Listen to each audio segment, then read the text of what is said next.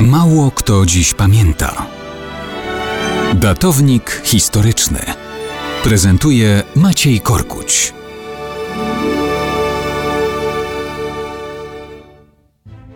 Mało kto dziś pamięta, że 28 kwietnia 1924 roku Bank Polski wyemitował nową walutę.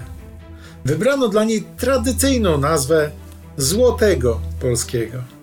Już bowiem w końcu XV wieku zaistniała w Polsce jednostka obrachunkowa zwana złotym. Na Sejmie w 1496 roku zadekretowano, że jeden złoty będzie równy 30 groszom. W XVII wieku zaczęto bić srebrne monety 30-groszowe, czyli odpowiadające wartości złotego. W czasie powstania kościuszkowskiego rząd, czyli Najwyższa Rada Narodowa, wyemitowała pierwsze w dziejach Polski pieniądze papierowe. Za ich fałszowanie groziła utrata majątku, a nawet kara śmierci.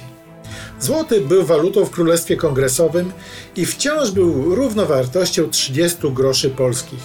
Wtedy też powstał emisyjny Bank Polski. Po wojnie w 1831 roku Rosja wprowadziła jednak swoje ruble i kopiejki. W czasie I wojny światowej w XX wieku pojawiły się w obiegu marki polskie. Już w lutym 1919 roku Sejm Ustawodawczy zadecydował, że prawdziwa waluta niepodległej Rzeczypospolitej powróci do nazwy Złoty Polski i będzie się dzielić na 100 groszy. Jeszcze przez kilka lat funkcjonowała marka polska, która masakrycznie wręcz traciła na wartości. Gdy premier Władysław Grabski przeprowadzał reformę walutową i wprowadzał nową walutę, jednego złotego wymieniano za bagatela 1 milion 800 tysięcy marek polskich.